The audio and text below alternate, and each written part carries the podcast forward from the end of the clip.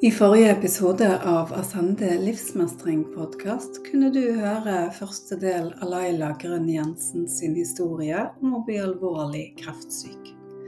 Brystkreft med spredning. Hun måtte gjennomgå en heftig cellegiftkur, eller dvs. Si åtte cellegiftskurer, før hun kan fjerne brystet der kreften startet. Når jeg var ferdig med de åtte, så var det en liten kunstpause, og så var det operasjon. Da opererte jeg vekk brystet. Så da fjerner du brystet? Da fjernet brystet. Mm. Var kroppen din i form til å bli operert da? Etter, for, for åtte cellegiftkurer, mm. hvor, hvor, mange måneder svekte det seg over? Det Jeg begynte 23.12., og jeg opererte vel i juni. Ja. Sånn, så da er det cellegift. Jeg hadde vel siste cellegiften i mai. Og så var det pause på noen uker, og så operasjon. For Du må ha så og så mange uker pause da, før du kan operere. Og det handler jo om at kroppen skal kunne komme seg igjen etter en operasjon. Sant? Og det var en spesiell opplevelse. Det, det er jeg, jeg, har egentlig gjennom hele løpet så har jeg tenkt at eh, det å ta brystet, det, det, kommer ikke til å være et problem. For det, jeg har aldri vært så veldig opptatt av de puppene. Altså Jeg har jo tenkt hele livet at grunnen til at jeg ikke har jogget, er at jeg har så store pupper. Så jeg tenkte at det kan bare være herlig. Altså, Drit nå i det. Det skal jeg klare å leve med. Bryst har egentlig aldri vært viktig for meg. Men eh, når jeg da skulle opp, eh, operere, så eh, har jeg jo alle disse ungene mine. Og jeg var ute og spiste middag med begge sønnene mine da, den, den dagen. Og det som skjedde da, det var at Jeg vet ikke hvem som begynte, men vi fikk i hvert fall spysyken. Mm. Eller ungene mine fikk spysyke. Eh, så dagen før jeg skulle operere, så begynte dette her. Og det var jo på en måte veldig kritisk hvis jeg ble syk, for da ble operasjonen utsatt. Og det er jo sånn at når du har kreft, så er det jo på en måte Man vil jo at det skal skje i det tempoet det skal skje. Og det handler jo om at det er en grunn til at man skal operere vekk, og det er en grunn til at man tar cellegift. Det er jo fordi at man skal fjerne kreften. Så da ble de syke. Eh, den ene etter den andre lå og spydde. Eh, jeg kunne ikke gå inn i huset. Jeg måtte få en bag med ting ut gjennom, eh, gjennom vinduet på, i, på soverommet. Mannen min spydde, begge jentene spydde, og begge guttene spydde. Så ringte jeg til min mor og de og ble enige om at ok, da kjører vi inn. Jeg kommer og overnatter hos dere. Og så reiser jeg på Haukeland i morgen tidlig. Da skulle jeg opp og ta den operasjonen. Og det er jo egentlig en sånn operasjon hvor du er inne på dagen, og så kommer du ut på, kveld, altså på ettermiddagen. Sant? Det er en sånn inn- og ut-operasjon. Så da fjerner de brystet bare på sånn dagkirurgi? Ja. ja. ja. Og så kom jeg opp på, i gaten til min mor og de. De har en sånn gårdsplass, og du går inn. Og idet jeg tar i porten, så bare roper de fra terrassen 'Ikke kom inn, vi spyr'. Og jeg tenkte 'Helsike, hva gjør jeg nå?' Jeg var helt alene i hele verden.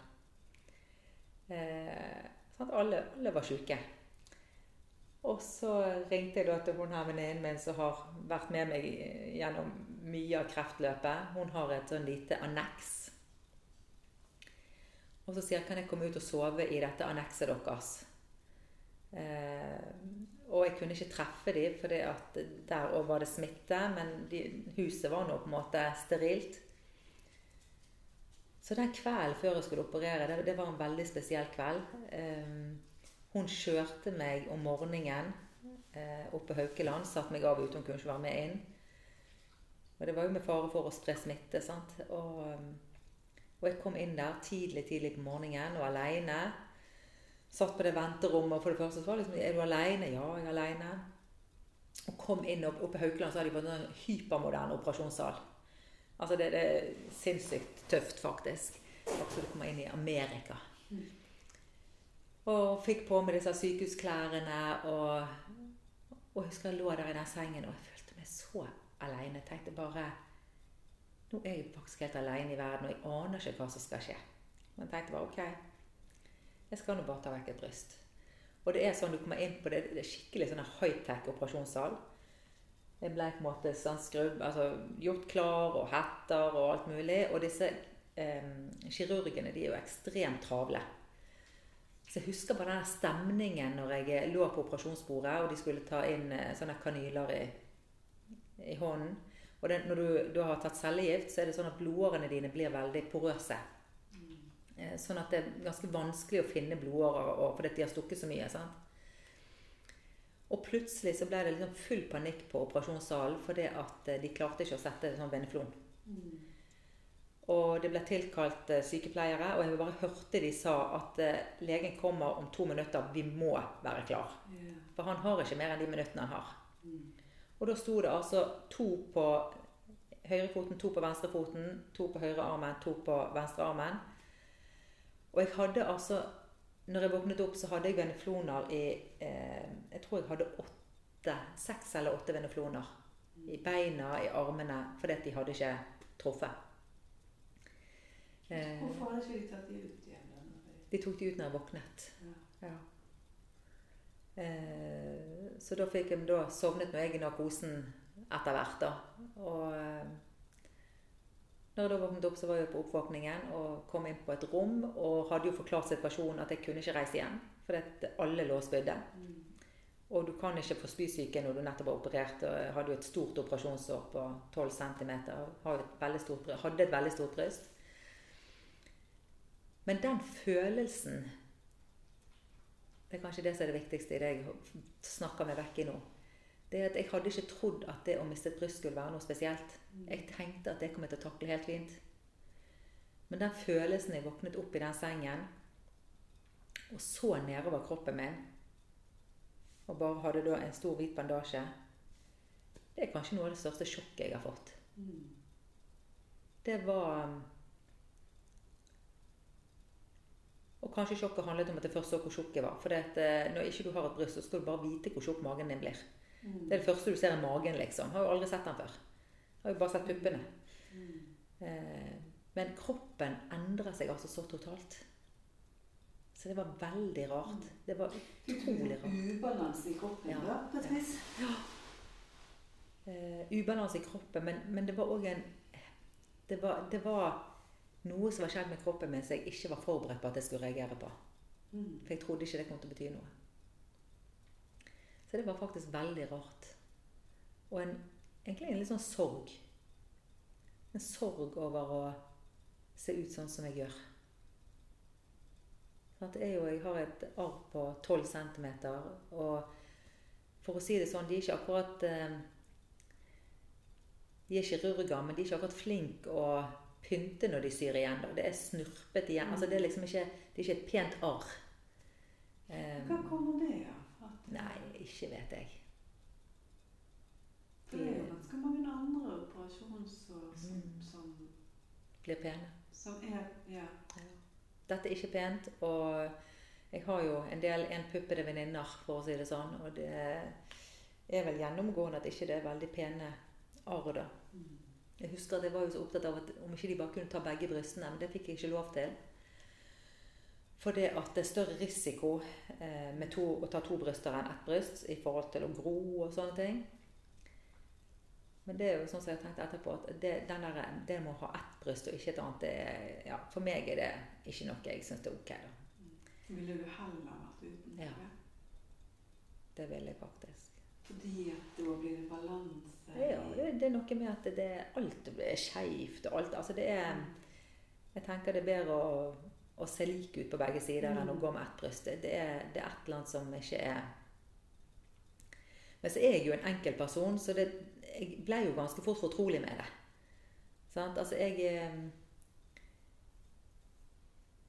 har ikke noen problemer med å vise meg med ett bryst. Sant? Jeg, eh, av og til når jeg gikk på tur, så gikk jeg uten protese fordi jeg syntes det var så stress. Og så, altså om jeg traff folk, så brydde jeg ikke meg om det om de så at jeg var skeiv i, i brystene.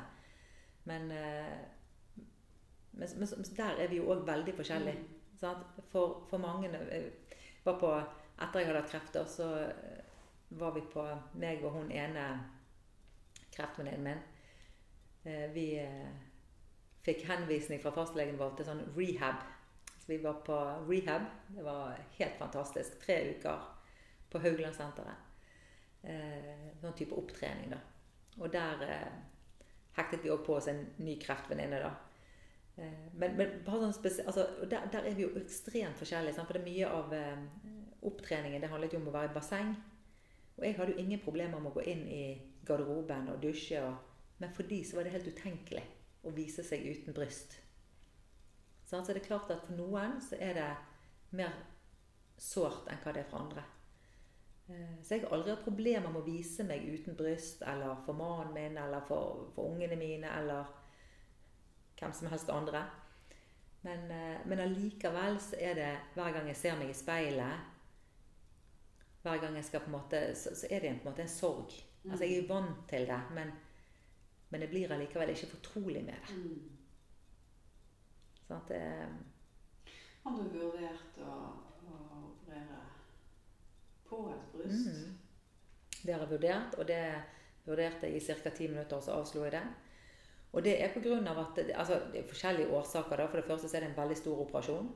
Eh, resultatet blir Ja. Altså, du, du, får jo aldri ditt bryst tilbake. Eh, du får ikke brystvorte tilbake. Altså, det, det, blir jo på en måte et eh, placebo-bryst. Eh, men eh, for min del har det aldri vært et alternativ. Sånn og det, de første årene så handlet det nok om en del forskning som var gjort på at risikoen for tilbakefall var større hvis du begynte å operere i det området du har hatt kreft. At, mm. Eh, som, eh, som, ikke er noe beviselig forskning, for den er ikke ferdig ennå, men som en litt sånn hypotese. Mm. Eh, men for meg så betydde det såpass lite at jeg, at jeg tenkte at det var ikke verdt det. Og jeg, jeg kommer nok aldri til å gjøre det.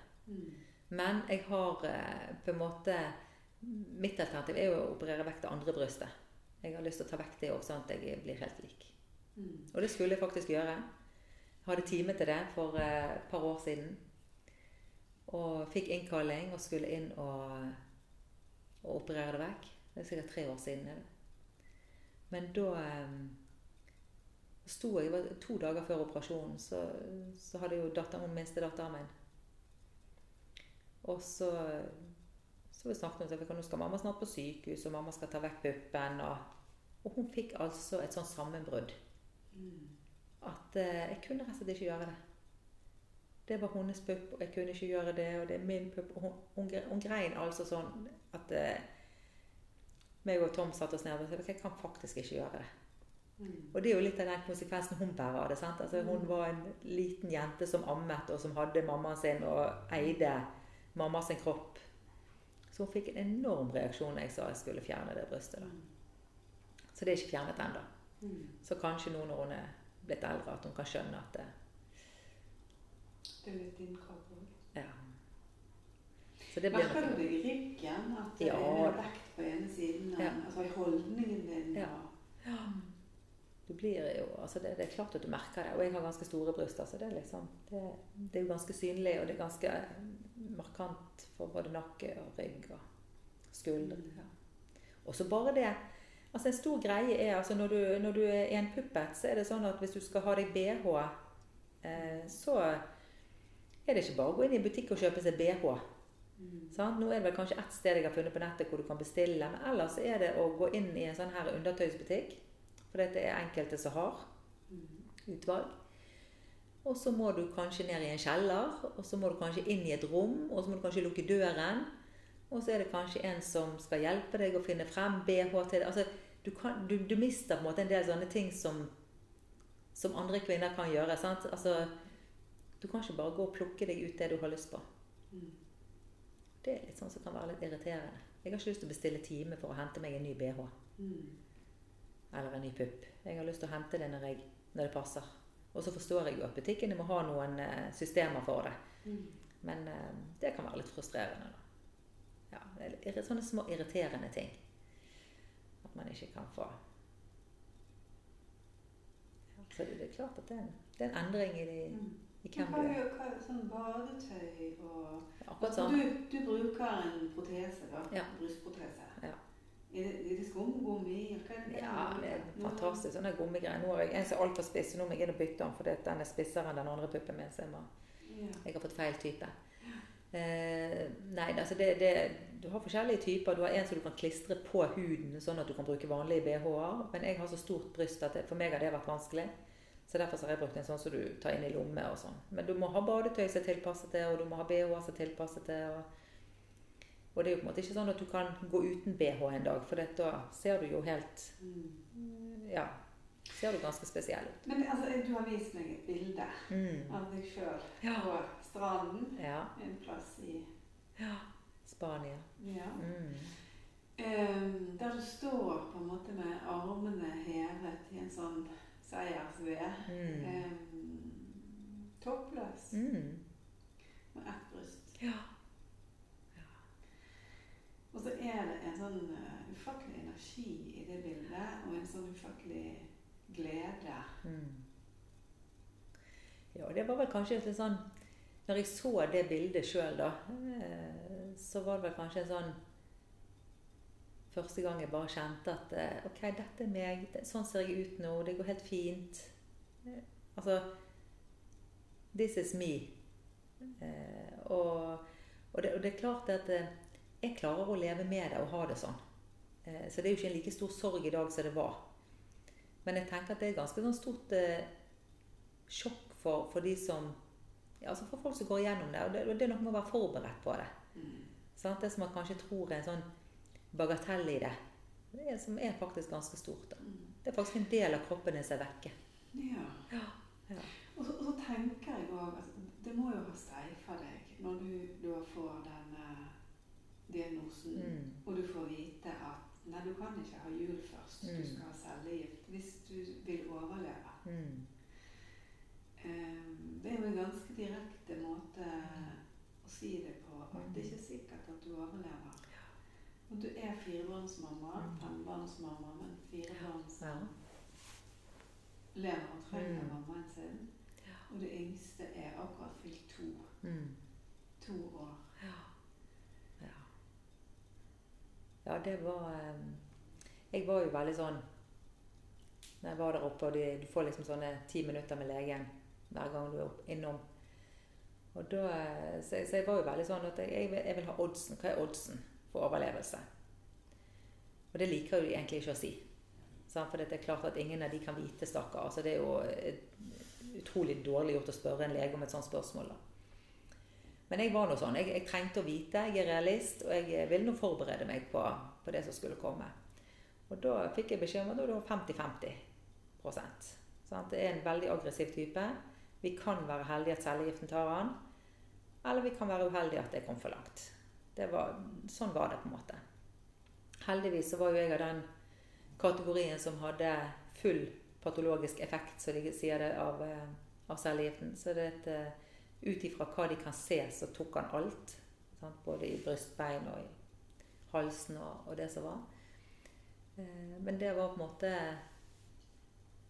det, det, var jo på en måte en det, det visste jo ikke de når de holdt på. Så det er klart at du innstiller deg jo på at livet kan endre, altså ende. Og jeg tror nok at for, for min del Og det høres kanskje rart ut å si det. Og der tror jeg vi er veldig forskjellige. Der tror jeg at mange som har vært i lignende situasjon, ikke kjenner seg igjen. Men for min del, som den typen jeg er, så var jeg så dårlig når jeg tok cellegift. Altså jeg, jeg, var så sliten at det var nesten sånn at jeg tenkte at det er kanskje like greit. For hvis livet mitt skal være sånn som dette, så vet jeg pinadø ikke om jeg orker. Mm. Jeg syns det var Det var rett og slett ikke ok å ta cellegift. Mm. Og så vet jeg at mange har hatt det annerledes og, og, tenker at det har vært ikke det største problemet. Men det er klart at jeg, jeg eh, gjorde meg jo noen tanker om det med, med ungene. Jeg husker jeg hadde mange som du skal spille inn en film til dem. Sånn de, men da, nå er jeg jo allerede skalla. Det er jo åh, sant? mange sånne tanker. Skulle jo gjort det før. Um, og jeg snakket jo mye med ungene mine om det. Uh, men jeg tror nok kanskje det var tøffest for mannen min. Altså, altså, for Tom, for han uh, Altså, han, han, hadde jo Han organiserte jo hele livet vårt. For å si det sånn, Både det året jeg gikk i behandling, og året etter. For jeg var jo ikke tilregnelig året etter heller. Sant? Altså, det var jo minimalt av hva jeg klarte å bidra med hjemme, og hva jeg klarte å bidra med med ungene. Jeg tålte jo nesten ikke å legge eh, livet. Altså det var Han måtte nesten ta alt. Fordi at jeg hadde så lav, to- altså, hadde så lav toleranse.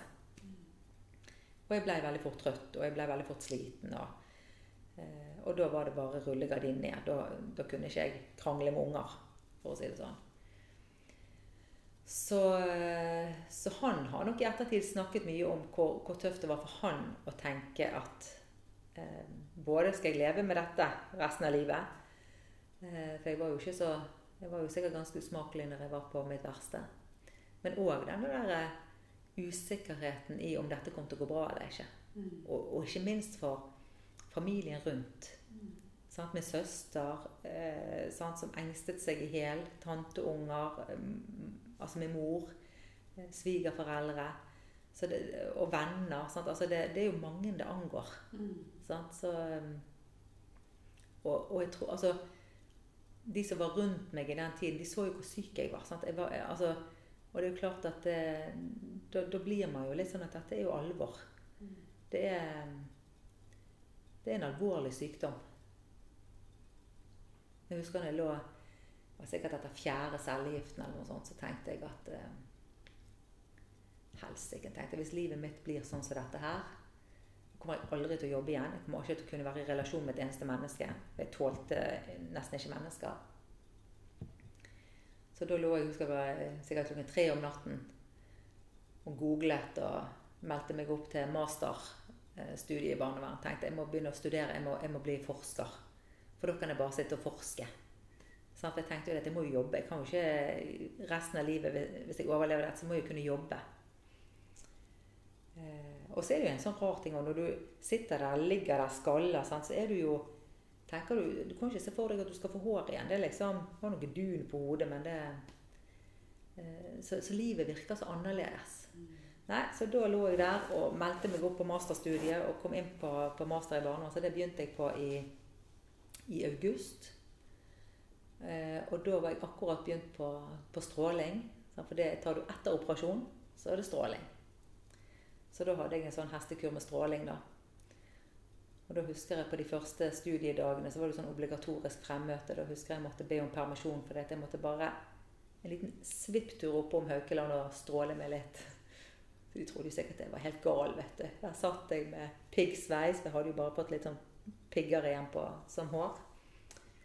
Og reiste til Haukeland på stråling og Så det var en eh, det var en tid hvor jeg vurderte mye hva skal jeg gjøre med livet mitt. For jeg trodde ikke livet mitt skulle bli vanlig igjen. Jeg, jeg, kunne ikke se for meg at det skulle stabilisere seg igjen. Mm. Og så er det jo klart at det å eh, En ting er for oss voksne eh, å tenke hva, hva hvis ikke dette går bra? Mm. Men så har jeg jo fire unger. Og det var nok eh, Det er nok kanskje den største sorgen i det. Mm. At jeg mangler et bryst, og at jeg eh, blir litt trøtt innimellom, det, det tåler jeg ganske godt. Men det å se hvordan det har påvirket ungene mine, det er en stor sorg. Ja. For hvordan har det påvirket det? Det har påvirket de fire veldig forskjellig. Men eh, det har vært vondt for dem. Og nå kan jeg jo snakke med de eldste om det. Eh, de var jo i en veldig sånn sårbar alder. De var 12, 11 og 9. Ja, jeg tror 12, 11 og 9 tror jeg de var. Så var det hun på to, da. Um, og det er klart at han på 12 han, han, han, visste jo veldig godt hva kreft var. Han visste at du dør av kreft. Eh, han syntes det var helt grusomt. Eh, og han er den eldste, og han skulle ta vare på og ikke vise. Og, og han eh, under, han tror jeg syntes det var knalltøft. Han er ikke så kanskje god på å vise følelser. Han syntes det var utrolig vanskelig at jeg mistet håret. At jeg ble annerledes. Syntes det var flaut å ha meg med ut. Ble veldig redd. Fikk veldig sånn separasjonsutfordringer. Eh, Så han eh, Ja, han syntes det ble veldig vanskelig. Det ble vanskelig på skolen for han. Klarte ikke å konsentrere seg. Ja, Så det var mye som ble vanskelig for han. Han ble veldig redd for at jeg skulle dø. Um, og det var nok han eldste òg, da. Og så var det hun på ni. Hun var nok kanskje den som tilsynelatende tok det best. For hun var kanskje så ung at hun ikke helt skjønte hva det var. Men hun skjønte jo at mamma var syk, og at folk var lei seg og sånn. Men hun eh, Jeg tror nok ikke hun tenkte så mye over død og liv, og hun Hun Ja. Hun ble nok påvirket på sin måte, men eh, Men akkurat der og da så var ikke hun den som som sa mest, eller fikk de største utfordringene, eller Og så er det jo klart at for, for minstemann så var det jo helt umulig å forstå. Mm. Der forsvant jeg jo bare. Sant? Fra å ha vært en altså, For å si det sånn eh, apemamma. Altså hun, hun, var limt til meg. Hun har alltid vært det. Altså Første året så lå hun på brystet mitt eh, hele tiden. Sant? Og eh, litt sånn eh, overbeskyttende 40 år gammel mor med en mann som jobber i barnehage. Så vi var, vi var jo Ja. Det var jo enten med mamma eller pappa hele tiden. Og det var ikke mye bedre å vekke fra henne. Og plutselig så er jeg både fysisk og mentalt vekke fra henne. Og det, det har ikke vært bra. Det tenker jeg at det har preget henne. I stor grad. Og det er klart at det er noe som er sorg som du ikke kan gjøre noe med. Sånn, og så har jeg hatt tanteunger. Jeg har hatt tanteunge som har vært kjemperedd for meg. Mm. Eh, som, eh, som, har vært veldig redd for at tante skulle dø. Ja. Så, så, det har jo påvirket veldig mange. Og det er klart at barn det for, for barn å vokse opp med foreldre som er så alvorlig syke, det er en stor, stor belastning. Ja, for det er jo noe med at foreldre er jo klippe i barn, mm. barnet sitt liv. Ja. Det er jo noe som skal være der. Mm. Og så blir hele denne forestillingen på en måte beveget, rykker egentlig helt opp. Det er ikke sikkert. Mamma kan dø. Mm. Ja, det er Det er noe som man ikke kan Altså, det er jo helt ubarmhjertig. Og det, man kan ikke ta det vekk fra dem. Så det er jo liksom det, hvordan skal man håndtere dem? hvor mye skal man snakke med dem, og når ikke de vil snakke, hvor mye skal man insistere på å snakke med dem. Det som jeg ser med hun minste, da, for hun var jo så liten, sant? så vi leste jo denne boken om kjemomannen Kasper, som er en veldig fin bok. Men, eh, men, hun har enda behov for å lese den i dag. Mm. Og nå er hun åtte år. Eh, og, og, og, jeg tror det er vel så viktig for hun å snakke om når mamma hadde kreft nå. Mm. For nå kan hun ha et bevisst forhold til det, nå kan hun ha ord på det. Eh, og, og, få hjelp til å på en måte få en fortelling på kanskje de følelsene hun hadde når hun var liten. da. Mm. Så jeg bruker mye, ikke mye tid, men innimellom så, så, har vi sånne kvelder hvor vi leser den boken hver dag. Og, ja, og snakker om det. Ja. Mm. Mm. Så det er klart at det, det preger jo en familie. Altså det, er jo, det, er jo, ikke bare meg det preger. Jeg tror av og til når man er syk, og når man har hatt en sånn, så blir man litt sånn kanskje innovervendt og tenker alt man sjøl har gått igjennom. Men, men, det er veldig mange det preger. Og, ikke minst kollegaer på jobb. Plutselig så er jeg der, så er jeg vekke. Sant? Ikke kommer tilbake. Ja, for du starta med å si at du hadde fått en ny jobb, mm. spennende jobb, du skulle bli leder, ja. um, flytte.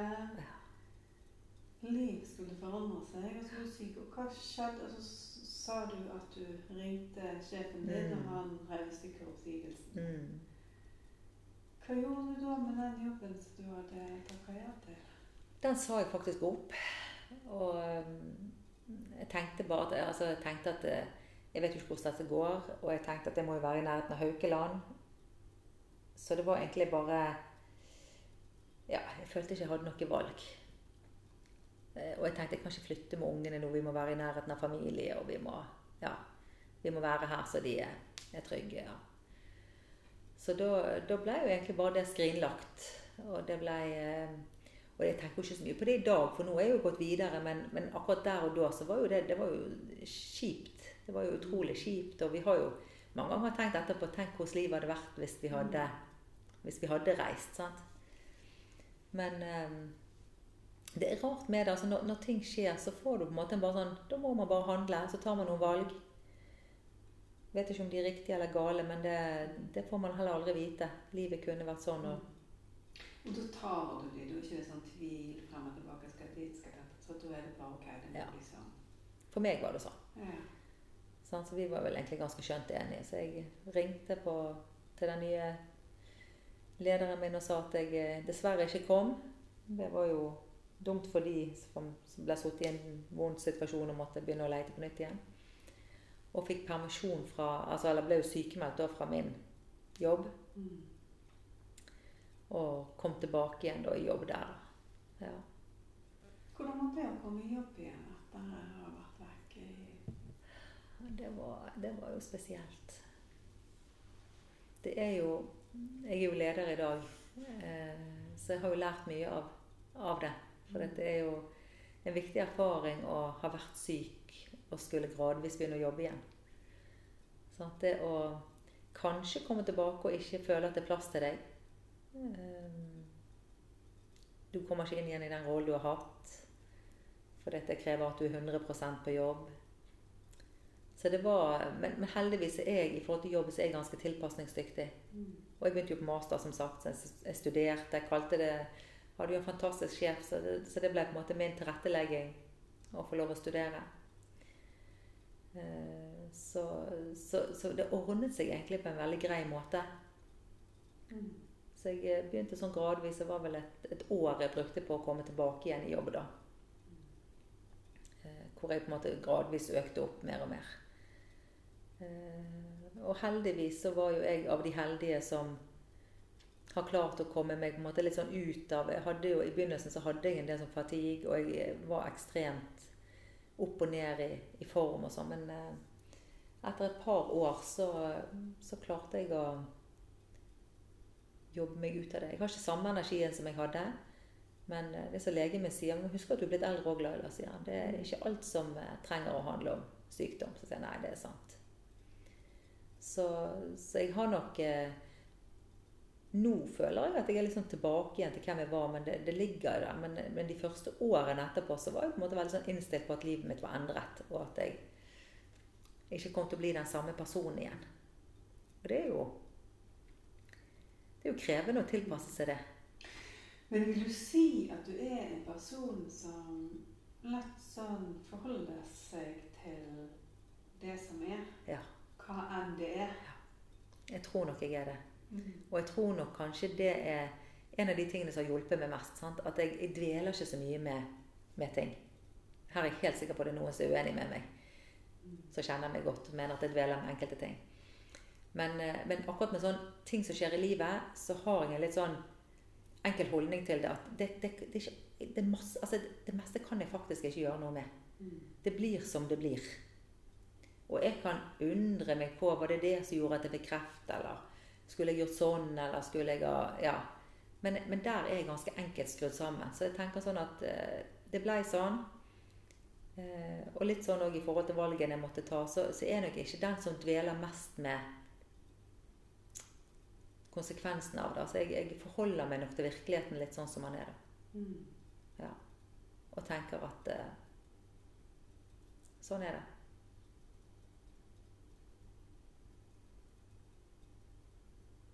Sånn ble det. Sånn er det, sånn ble det. Ja. Mm. Og så er jeg jo heldig som er her, og som eh, kan dra nytte av erfaringen min, for det kan jeg. I relasjon til mange. Jeg er blitt mye klokere eh, på veldig mange områder.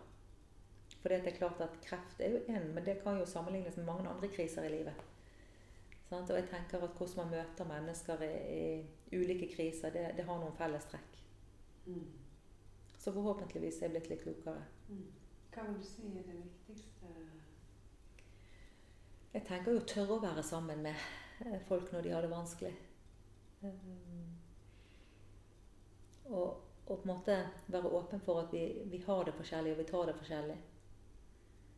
Det, det, det, det, det tenker jeg er det, Litt sånn tilbake til det jeg sa helt i starten. Vi har så lett for å definere andre sin eh, Hvordan de skal reagere på ting, og hvordan de skal håndtere ting. Og, men, eh, men det å ha kjent på det sjøl, hva var det jeg trengte? Hva var det som trigget meg? Eh, det kan være noe helt annet enn hva venninnen min trengte. Mm. Så, så den der eh, ydmykheten i forhold til å, å, å møte det mennesket som er i sin krise, og ikke være den som skal gi svar eller gi løsninger, men, men være den som kanskje kan være sammen med og lytte. Og, og stå ved siden av. Sant? Ikke nødvendigvis kanskje være den som skal stå bak og pushe eller stå foran og dra. Men, men bare det å tåle å stå ved siden av, tror jeg er, noe jeg har tatt med meg som en, eh, som en kunnskap etter det jeg sjøl har vært igjennom. Da. Ja. Det er jo raust av deg, tenker jeg, å dele um, din personlige beretning både om det å miste et barn Mm. og det å få kreft Mm. og være i en situasjon der du vet at barna dine kan miste en mamma, Mm. og mannen din kan miste en kone, Mm. moren din kan miste en datter.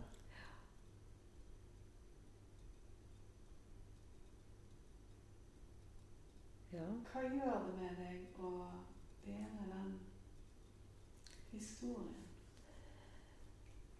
Nei, det, det er jo det som er så fascinerende med å fortelle historien sin. For det, den, det kommer jo nye elementer inn hver gang man forteller den. Sant? Og, det, jeg, tror, og jeg tror det er viktig å fortelle historiene sine.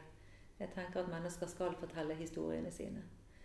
Eh? Og, og inni min historie så, så har jeg òg en svigermor som har mistet sin sønn. Eh, som, eh, som, som var på en måte midt oppi dette. Eh, som, så, så, så det med, det med å å dele livet sitt og dele på en måte de erfaringene man tar med seg etter f.eks. det med tap. Eh, For dette er noe som alle mennesker kommer til å gå gjennom. Det, det er ikke en, en brøkdel av oss, det er på en måte alle. Eh, Og, og jeg tror at vi må, vi må nødt til å være flinkere og, og tenke at livet består av veldig mye mer enn vellykkethet og enn eh, A4 og strømlinjeformet. De aller fleste av oss eh, kommer inn i en krise i løpet av livet sitt. Og da trenger man å ha hørt andre fortelle om sine kriser for å ha noe å relatere det til.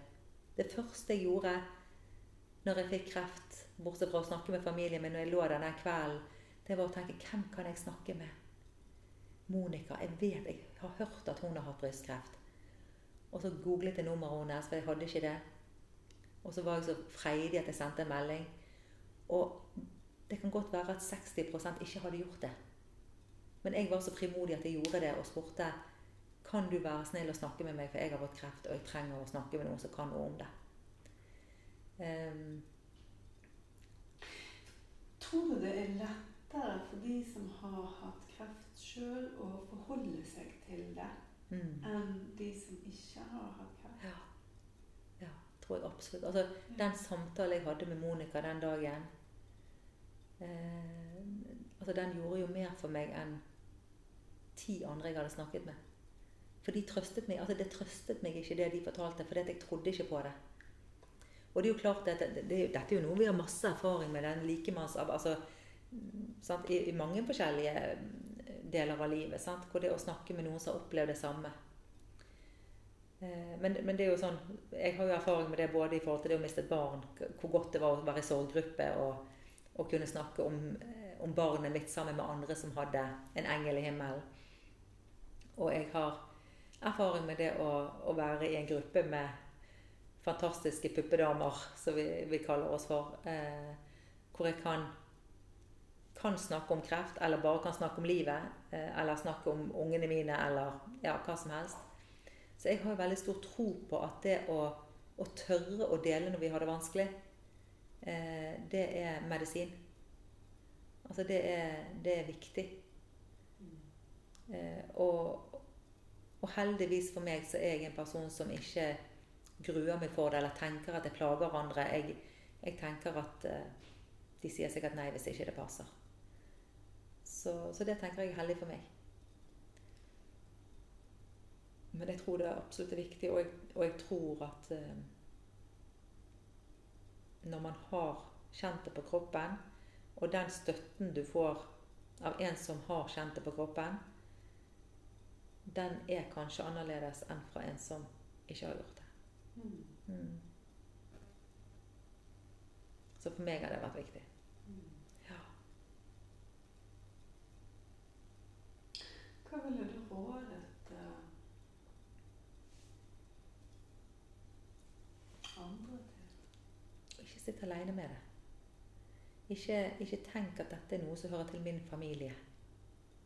Og jeg tenker at en ting er at du som har kreft, eller den som har kreft, har behov for å prate. Men, men det er jo òg sånn at det er av og til en eh, ektefelle eller en mor eller en eh, Det kan være mange. altså Jeg har fått mange telefoner i ettertid fra en datter som moren har fått brystkreft. Kan jeg få lov å snakke med deg? For jeg vet ikke hva jeg skal si til henne. Eh, mannen min som har snakket med mannen til en av de andre puppevenninnene mine for å høre hvordan, det har vært.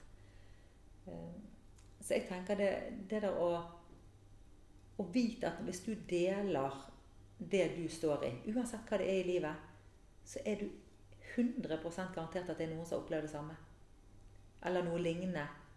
Eh, eller i hvert fall kan relatere seg til det. Eh, og, og man står aldri alene i, i det.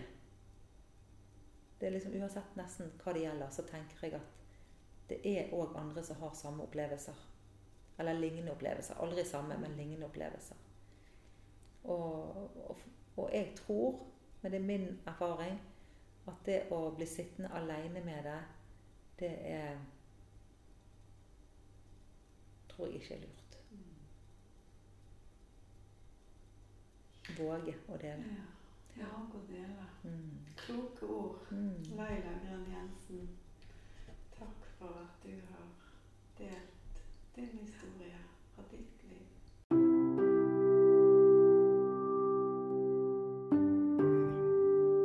Du har lyttet til Laila Grønn Jensen sin historie om å bli alvorlig syk med kreft, gjennomgå en heftig behandling med cellegift og operasjon. Du har hørt hvordan det har påvirket familie, barn og mann og livet til Laila. Det har ikke bare vært nedturer. Gjennom kreften har hun f.eks. òg fått et annet syn på livet. Et annet syn på det å snakke med hverandre, særlig om vanskelige ting.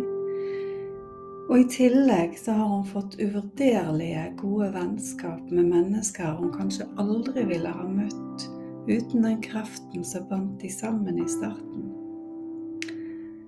Jeg er Vesle Møy Strandabø og med dette er første sesong av Ascende livsmestring-podkast avsluttet.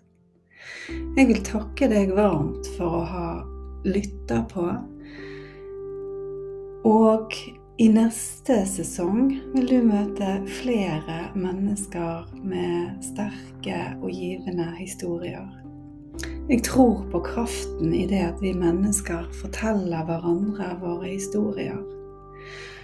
Og har du en historie å fortelle eller et tema du brenner for å snakke om, eller kanskje kjenner noen, så gjerne ta kontakt på vest.ascende.no.